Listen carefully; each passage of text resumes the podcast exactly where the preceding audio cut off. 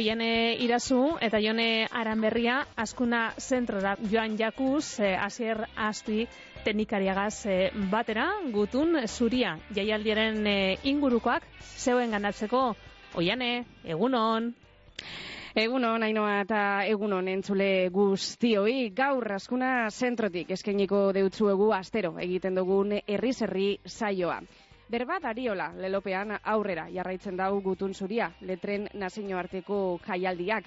Martitzenean azizan, amasei garren edizinoa, eta zapatuan amaituko da. Arratzaldero, zapatuan izan ezik, goizez izango dela, literaturaren inguruan hainbat topaketa, itzaldi eta solasaldi izan eta izango dira. Saioa hasteko bainat Sarasolaga egingo dugu berban. Gutun zuria jaialdiko aholkularia, idazlea eta literatur kritikaria. Ondoren Igor Estankona urreratuko da gure mikrofonoetara. Euskal Kulturginen kidea da. Gutun zuria Bilbao jaialdian lehen aldiz egiten diran Gutun zuria pro saioetan parte hartuko dau. Gero, eta alkarrizketen txandea amaitzeko miren agur meabe eta Sonia Rueda izango duguz. Gaur arratzaldean protagonistak izango diranak. Fabula antifabulak izenburupean ikuskizun bizuala eta soinuzkoa giratuko dabe inun musikariagaz batera. Amaitzeko, oiko lehiaketea izango dugu eta saioaren amaieran telefono eta WhatsApp zenbakia zabalduko duguz iragarriko dugun galdereari erantzuteko. Eta, bueno, igertzen e, dabenak, e, ile amaierako sosketean sartuko dira. Baina, hori geroseago izango da. Orain, publizidadearen tartetzu bat, eta bueltan gatoz.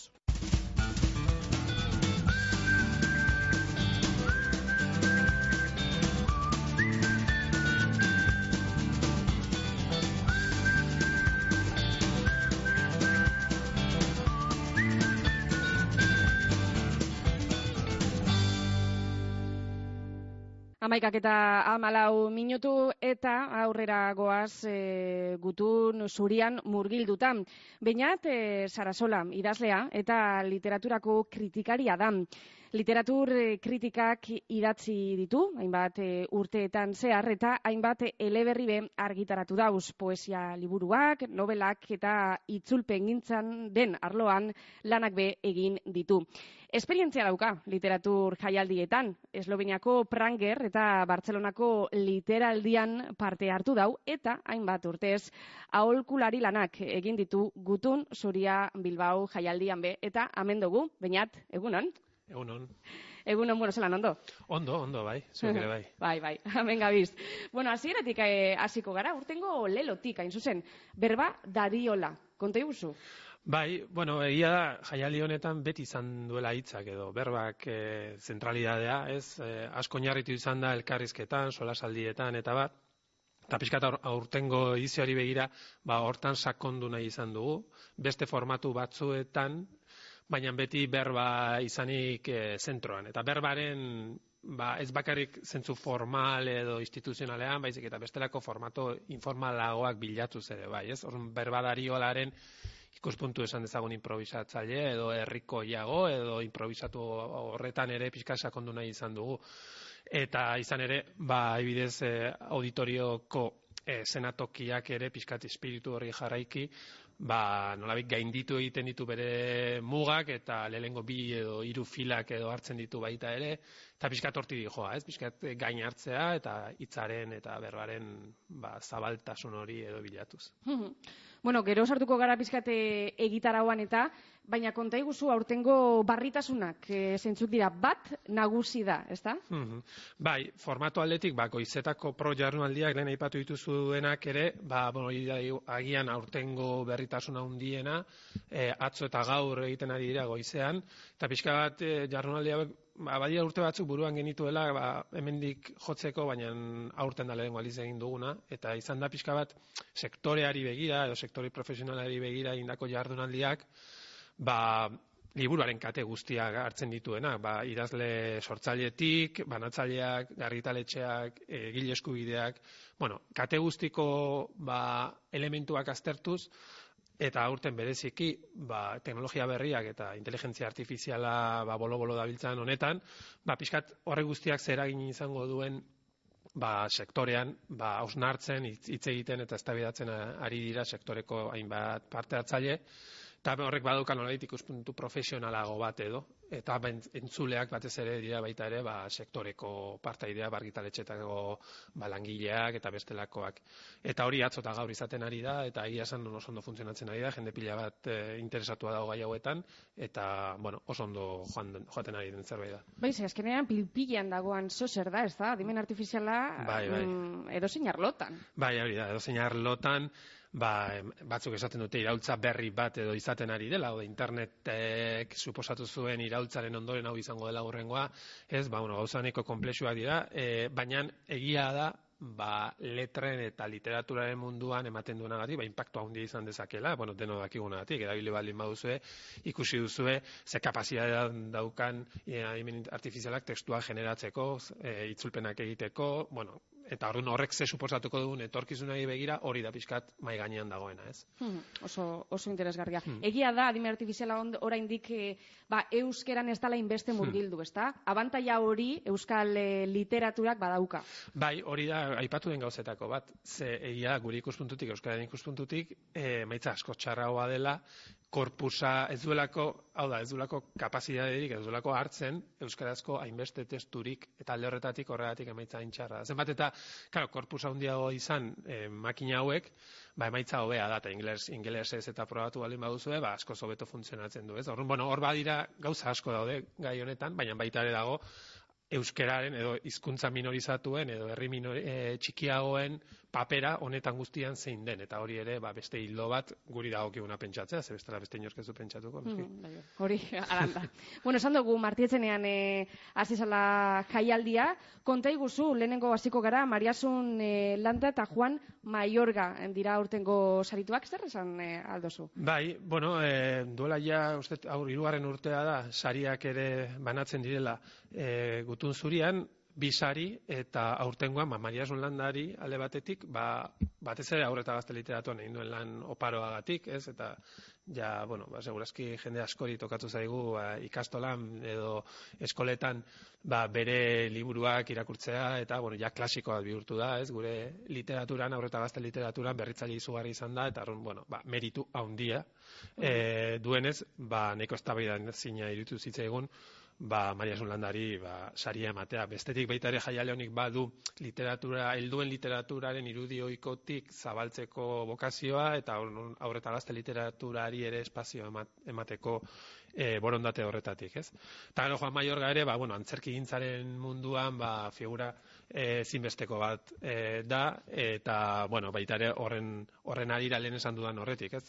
Literaturen genero guztia kontuan hartuz eta antzerki gintza batzutan astu egiten zaigu eta beraz ba, bueno, ba, esparru horretan referente badenez ba, ba Juan Maior gari horregatik eman zaio esaria. Mm. Ze ganera, eh, esan duguna ez, profi, oso esbardinak dira. Bai, hain justu horregatik, ez? Askotan literatura buruan dugu eta askotan ba, pentsatzen ari gera ezinbestez gehien konsumitzen delako eta bar, ba, novela gileetan, autoretan, eta bar, eta pixkat hortik arago joan nahi dugu gutun zurian, ez?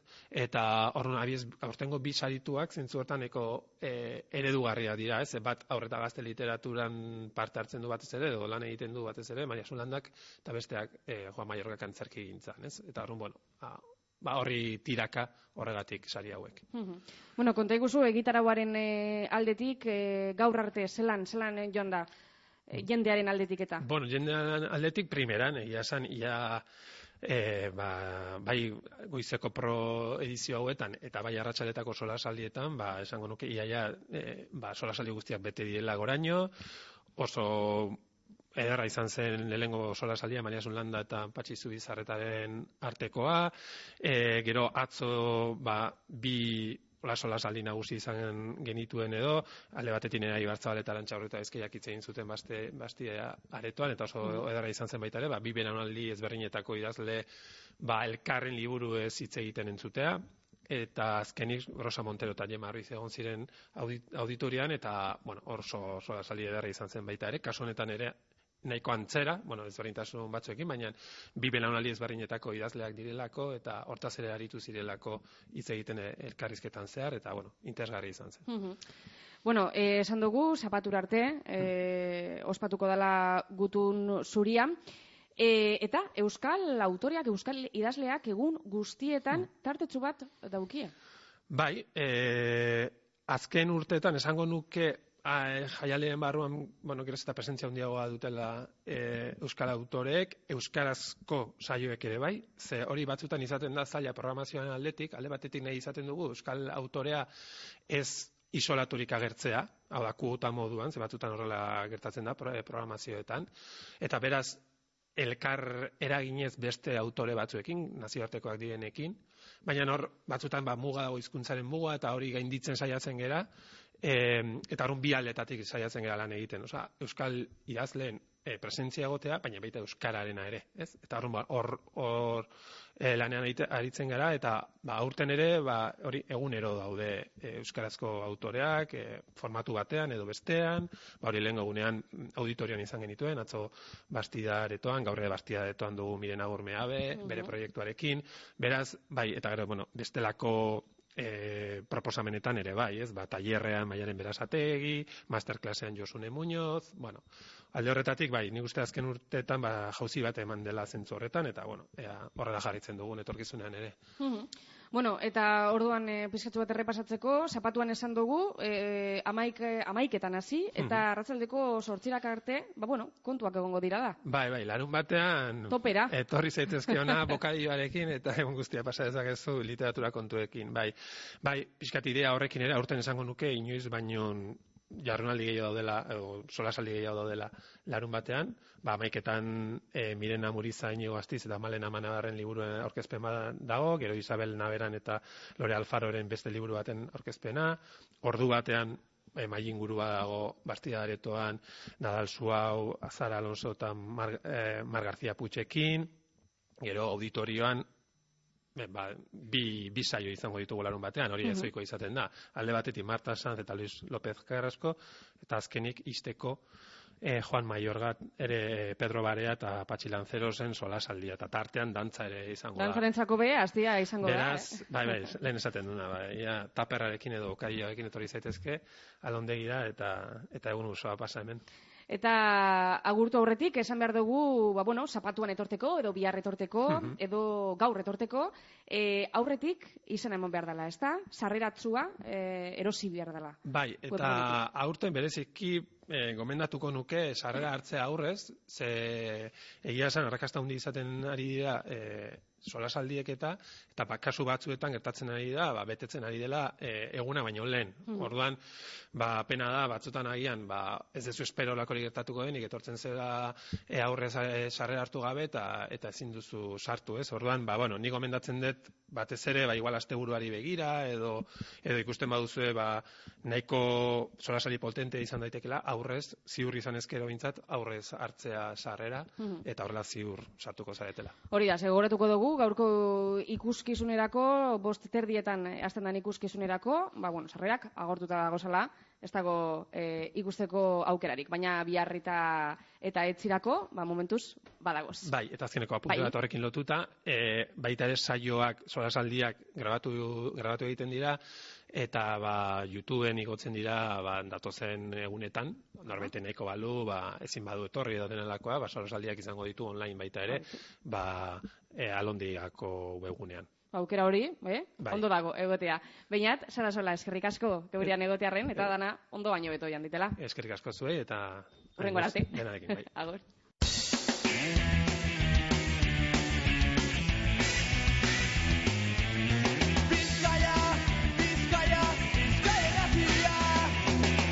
Amaikak eta hogeita sortzi minutu aurrera goaz askuna zentrotik gaurko herri saio honetan. Lehen aurtengo barritasun nagusia aitatu deusku bainat eh, sarasolak eta honen inguruan gehiago dakien igorre estankona gonbidatu dugu. Euskal kulturgileen kidea eta jaialdian lehen aldiz egiten diran gutun Zuria Pro, kongresu profesionalean parte hartuko dau. Honetaz, gehiago jakiteko dinogunez, Igor Estankona, idazlea, bizkaitarra, poesia liburu ugari argitaratu dauz, e, eta amendako. Igor, egunon. Egunon. Bueno, e, konta iguzu, mm, kongresu hau, zertan datza, zertan e, datza jardunaldi honek? Ba, e, egonaz, ontxena torrandik, Mhm. ze guk e, zabaldu dugu gaurko egitaraua, da ni pentsetan dute asmoa dala ba, beste ikuspuntu hori emotea purbet e, argitaletxeari, e, egile eskubiden titularrari, e, enpresari, e, kultur munduko profesionalari edo profesionalizazio bidean dausenari, ba, holango zertzelada batzuk emotea, igual batzutan juridikoak, beste batzutan e, eguneroko lanari buruzkoak eta holan, ba, bueno, e, urteokaz gehiegi landu ez direnak behar bada, eta urten ba neu gonbidatu naurie, ez dakit egokitzat edo joko eustien.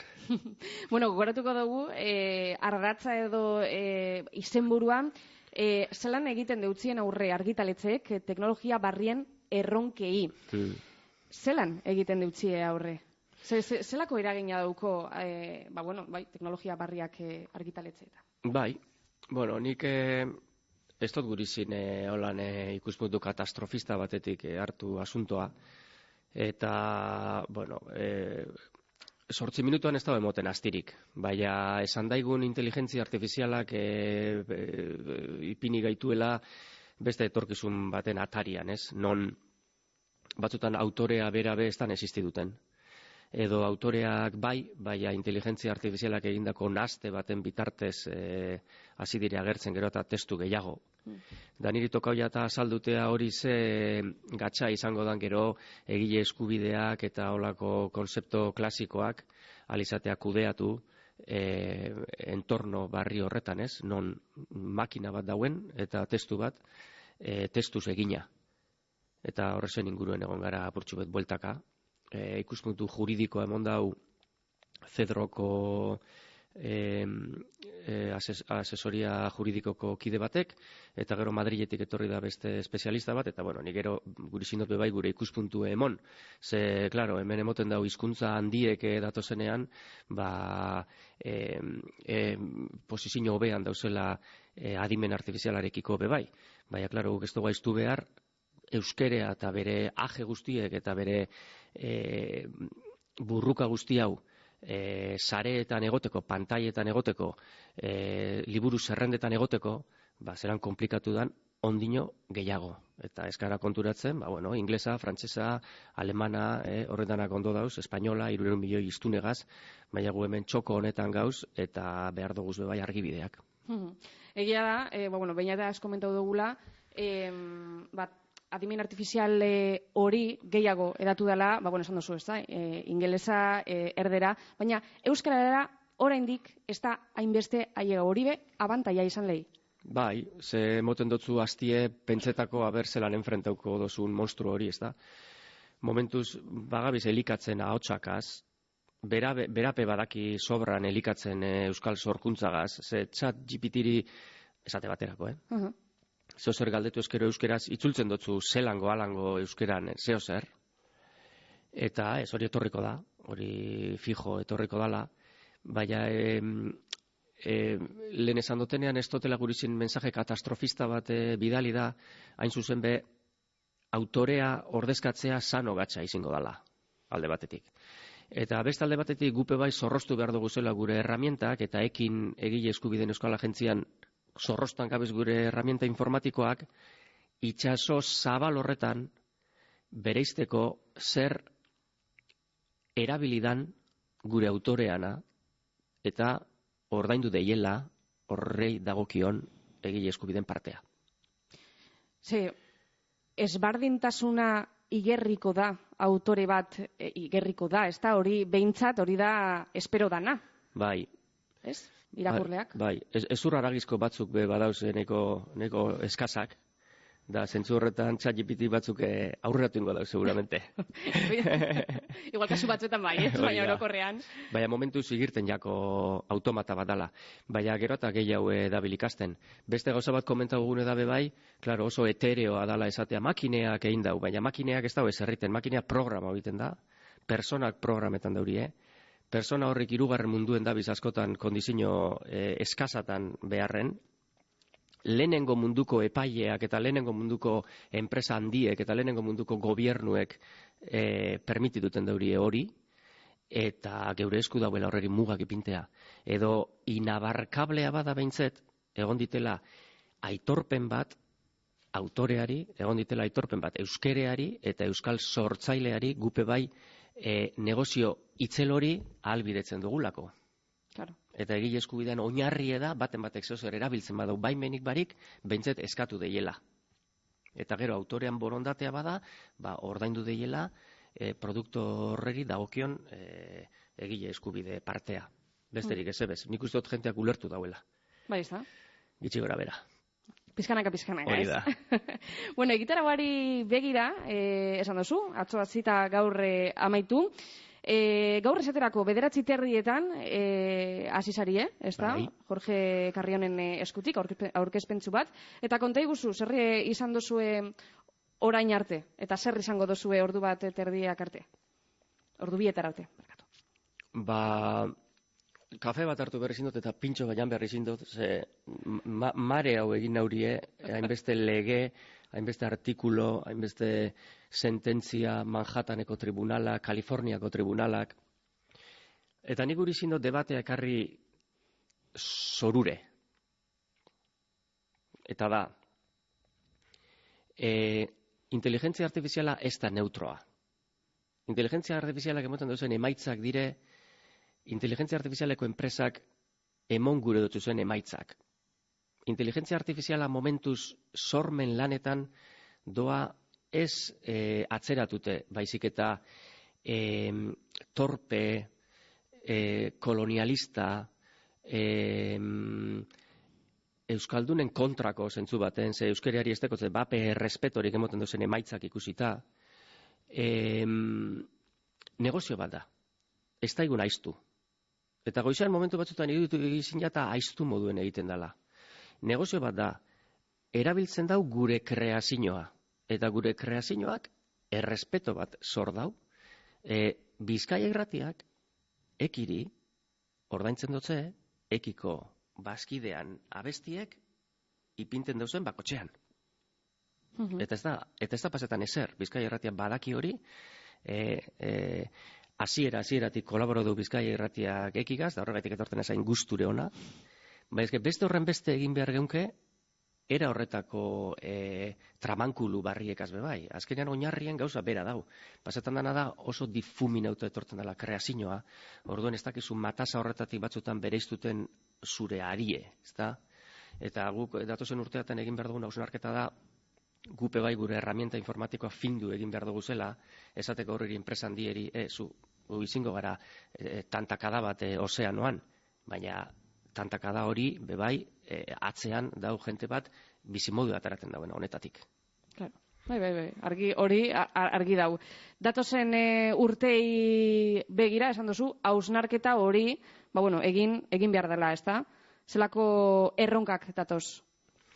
Ba, ho- holako xeak. Gero honikaz gauzek askotan pasetan da bebai, e, txampanan, e, bitze bajatuten danean, ba hor ikusten dela benetako nivela, ez da, gauzeana. E, lehen be etorri zire imprenta, e, inventa usanean be, bate baino gehauk e, pentsauko ben a- a- akabo dela mundue, e, ezagutu dugu faxa, ezagutu dugu batzuk behintzet, Faxa, ezagutu dugu bai, gure generazioak ez. e, ezagutu dugu e, fotokopien inguruko paranoia, ezagutu dugu gauze asko eta autoriak hor segitan daurie. Gero, euren lana ondino mm, evaluablea da, balorau daiteke. Baina nik uste dut industrian bai etorreko dela aldaketa handie.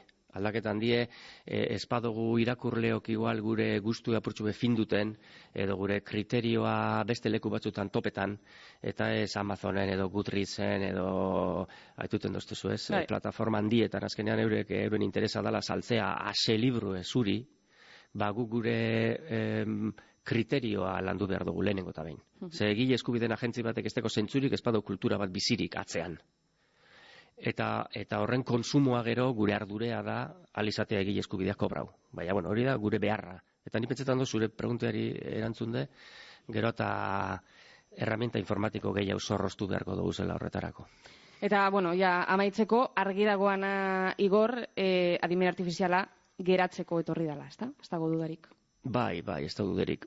Ez da duderik ze internet e, etorri zan moduan geratzeko, ba, adimen artifiziala, bai, preguntea da zelan. Eta nik e, plante gotena goitzean da, arrapetan dozkurea burtsu baju zentzu horretan. Baju kultura moduen, baju hizkuntza moduen, baju langile moduen, ze langile askok e, prekarizau e, ingoiako seguramente bere zeregine, e, externalizau ingo da, e, invisibilizau ingo da. Gu bihurtuko gara azken baten inteligentzia artifizialari jaten emoten dotzegunok, izingo gara gu e, eguneroko bizitzan, telefonoan e, buske dau eginda edo beste eginda, edo kamarara bateri begitute, edo galdetzen dutzen bakotxean, e, demostra joztezu ezarrela robot bat. Eta bai, emonatza marra gazia semaforoan ondauen da zebra bidean ondauen. Hori ez da zuri, hori ez da filtro bat gratuitoa. Hor dabil ikusten ze pautas egiten dauzen jenteak, ze, zenbat denporan identifiketan dauen elementu bet. Eta hori dana da jaten emotea beste horreri, ez da? Eta, bueno, bai, interesantea. Bai, bai, ikuspegi oso, oso interesantea. Bueno, ba, mm, Igor, eskerrik asko, beste behin geugaz egotiarren. Eta, bueno, e, gaur kontuak izango dozuz, e, bai, jardunaldi kongresu profesional honetan, osorterik honen eta ondo paseu. Eskerrik asko. Da helburua. Zuheri eskerrik asko.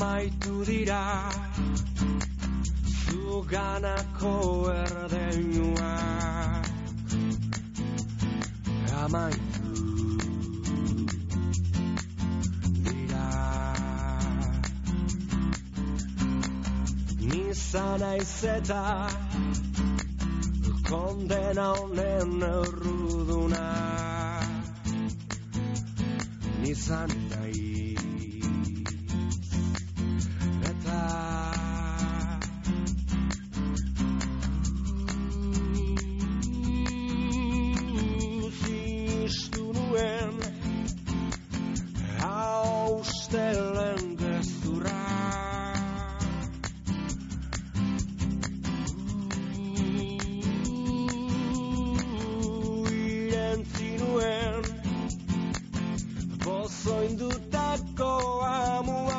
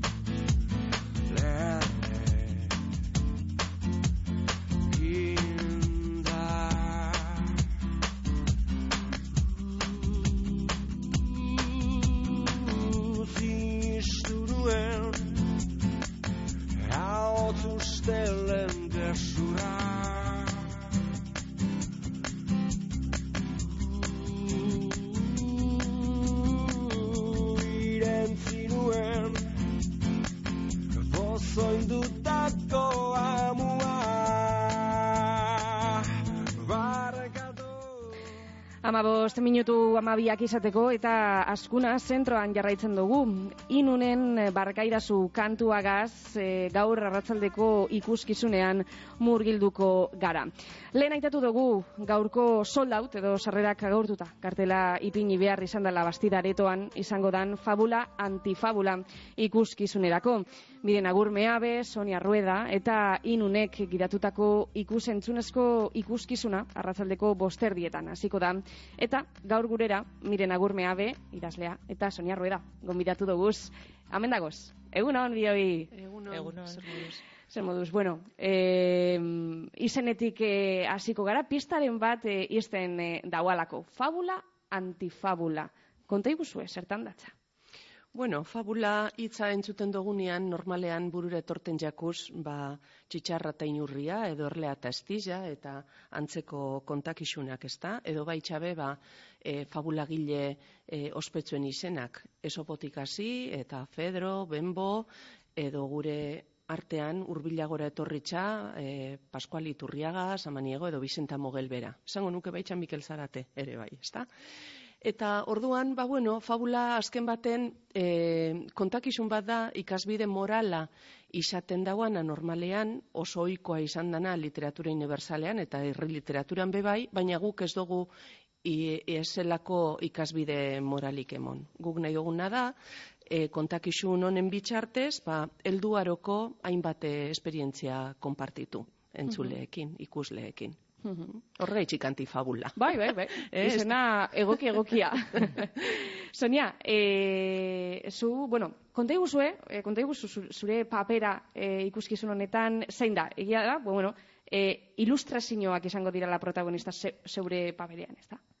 Bueno, nire papela da hori e, irudiak eta koloreak eta horrelako gauzak ipintzea e, miren aguren e, fabularen txat.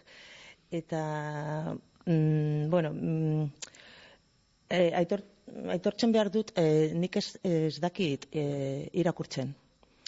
Txikitatik e, beti em, e, hi- hitzak edo ideiak nire buruan e, e, aldatu zuten eta irudiak bi- bihurtu bihurtu ziren. Orduan e, nik ez, ez mm, hartu, hartu ditut liburuak e, liburutegian edo liburutegitan edo e, lagune, lagunetik e, mm, zergatik pues, e, marraskiak egiten egiten ditut beti e, eskinetan, eskemak, e, koloreak eta horrelako gauzak. Orduan, e, miren agurrek e, nire irudiak bere fabulekin hasteko aukera eskaini zi- zidanean, e, nire irakurtzeko moduan posible e, zela sentitu nuen eta e, gauzak zetozela eta e, magia gertatuko zela. Eta momentu honetan erabaki nuen e, koloreak e, az- mm, azteko, astea, Eta, bueno, pues gero e, berarekin e, konpondu genuen e, gion bat e, kol, kolorez eta irudiaren bitartez. Izan be, em, em, hau, proiektu hau edo ikuskizun hau dator, ba, gure hasiera bateko, e, ba, ba, bueno, ba, ariketa batetik, ez da? Berak liburu zoragarria dauko ilustrazio eta hitz liburua, hitz politak izenekoa. Hitz politak. Hitz politak, zoragarria. Bere euskera ikasteko prozesuan, berarentzat liluragarriak edo harrigarriak izan dien berbak jaso, eta bakoitzari interpretazio grafiko bat emonda. Orduan, berak eskatu eustan, liburu horretarako hitzaurretxo bat egiteko, eta idatzen eban fabula arrunt bat. izeneko testua. Eta gero hor batzutan pentsau barik etorten dira gauzak, ez da, ba, hasitxo horretatik gero garatu da beste guztia. Hmm. Azkenean, bera, hori ez, e, bueno, irudia e, dauka, eta zu beste papera. Baina, kon, konta iguzu, gaur, arratsaldean bosterdietan, zerrak agortuta dagoz, e, posik zagozi ez da? Bai, oba ez. Bizkat, urduritasuna be, gehi- gehitzen jako... Hori beti, eh, Bai. hor arra, kokua, eh, eh, hor hor dago beti, ez da? Naiz eta amuma baino sarrago izan, ja, jendaurrian. eh, ba, beti egoten da, ze, klaro, beti naita ez, eh, jakinarren entzule, eh, entzuleria maitxekor eta borondate honeko etorri dala, ba, naitxa ez, artistok beti sentitzen dugu, ba, esamina bat aprobatu beharra, ez da? Beti emon behar dozu e, zeure honena, eta orduan ba, urdur itxasuna nahite eskua da. Baina uste dut ona dala. Eh? Txarra litzateke hor- horretan erosotu eta herriatia, ez da? Orduan, ba, bueno, eh, gaur barriro daukagu geure geure proba, egin dugu ikuskizun hau eh, beste tokiren baten be, eta posi geratu gara, emoitzagaz. Bai, eh? harrera ona, euki dau. Bai, Mhm. e, gentiak esan duzku, ba, batzuk eh, unkitu, beste batzuk barre, beste batzuk e, negarri indabela, baina badaola zeo zer, ba, testuotan euren bizipenekin bat eitzen da bena, eta aldorretatik, ba, e, bueno, pues, e, mm, zeskatu leike gehiago, ez da? Hori izan beste, beste galderea, e, zer da espero dozuen hau da, zinta helburua, zelako helburua dauka fabula antifabulak?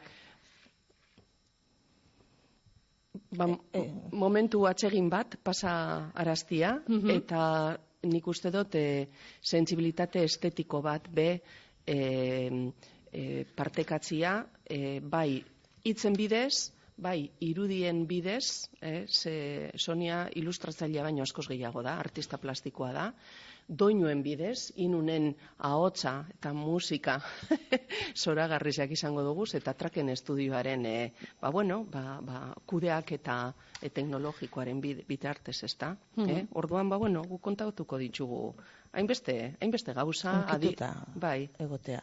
bai, Bai, ez da, bizkate, zo zer eragitea, ez? bai, bai, Pentsa, bai, Hori, hori esango da azkenien eh, bai. helburua eta Gai, gai jakin batzun inguruan, bat, nik uste dut e, e, konfiantza, adizkietasuna, e, independentzia emozionala, e, dolua, trantzizioa eta berpistea direla, ba, zazpi fabulotan e, nabarmentzen diran gaizak.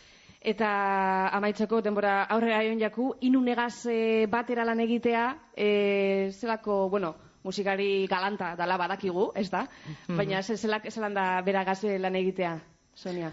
Pues niretzat, bueno, esperientzia oso oso ona da alde batetik hori publiko, publiko parte hartzea eta beste sortzailekin, beste disiplinekin nahastea oso garrantzitsua da nire lan artistikoan, orduan eh, orain pues literatura eh, musika eta arte visuala nahastea pues da como pues ez, hori ma- magia berriro. Eta ez nuen e, inun ezagutzen baina asko gustatzen zait bere musika e, asko gustatzen zait e, miren agurren testuak e, nola kantatzen dituen eta izugarri gustatzen zait e, sensazioak e, uneak edo islatzen edo e, nola e, impro, eh, gehien gustatzen zaidana da nola improviz, improvisatu, improvisatzen dela gure sentimentuak, gure asalak des, desberdinak, ez dakit, nola improvisatzen. Bai, naste hori azkenien hori Bai, da, ez? E, bai. Daukan e, xarma hori. Ba, mm, agurtu behar dugu, e, miren agur meabe eta Sonia Rueda, gaur arratsaldean, e, emonaldia daukazue, bosterdietan, baina, e, bueno, sarrerak agortuta dagoz, eta, ba, bueno, e, dana ondo baino beto atara daitela, e, utz, itzi alde batera urduritasuna, eta eta disfruteu, seguru oso ondo, atarako, atarako dala. Eskerrik asko, etortea gaitik. Zeuei, zeuei. Horrengo arte. Bai.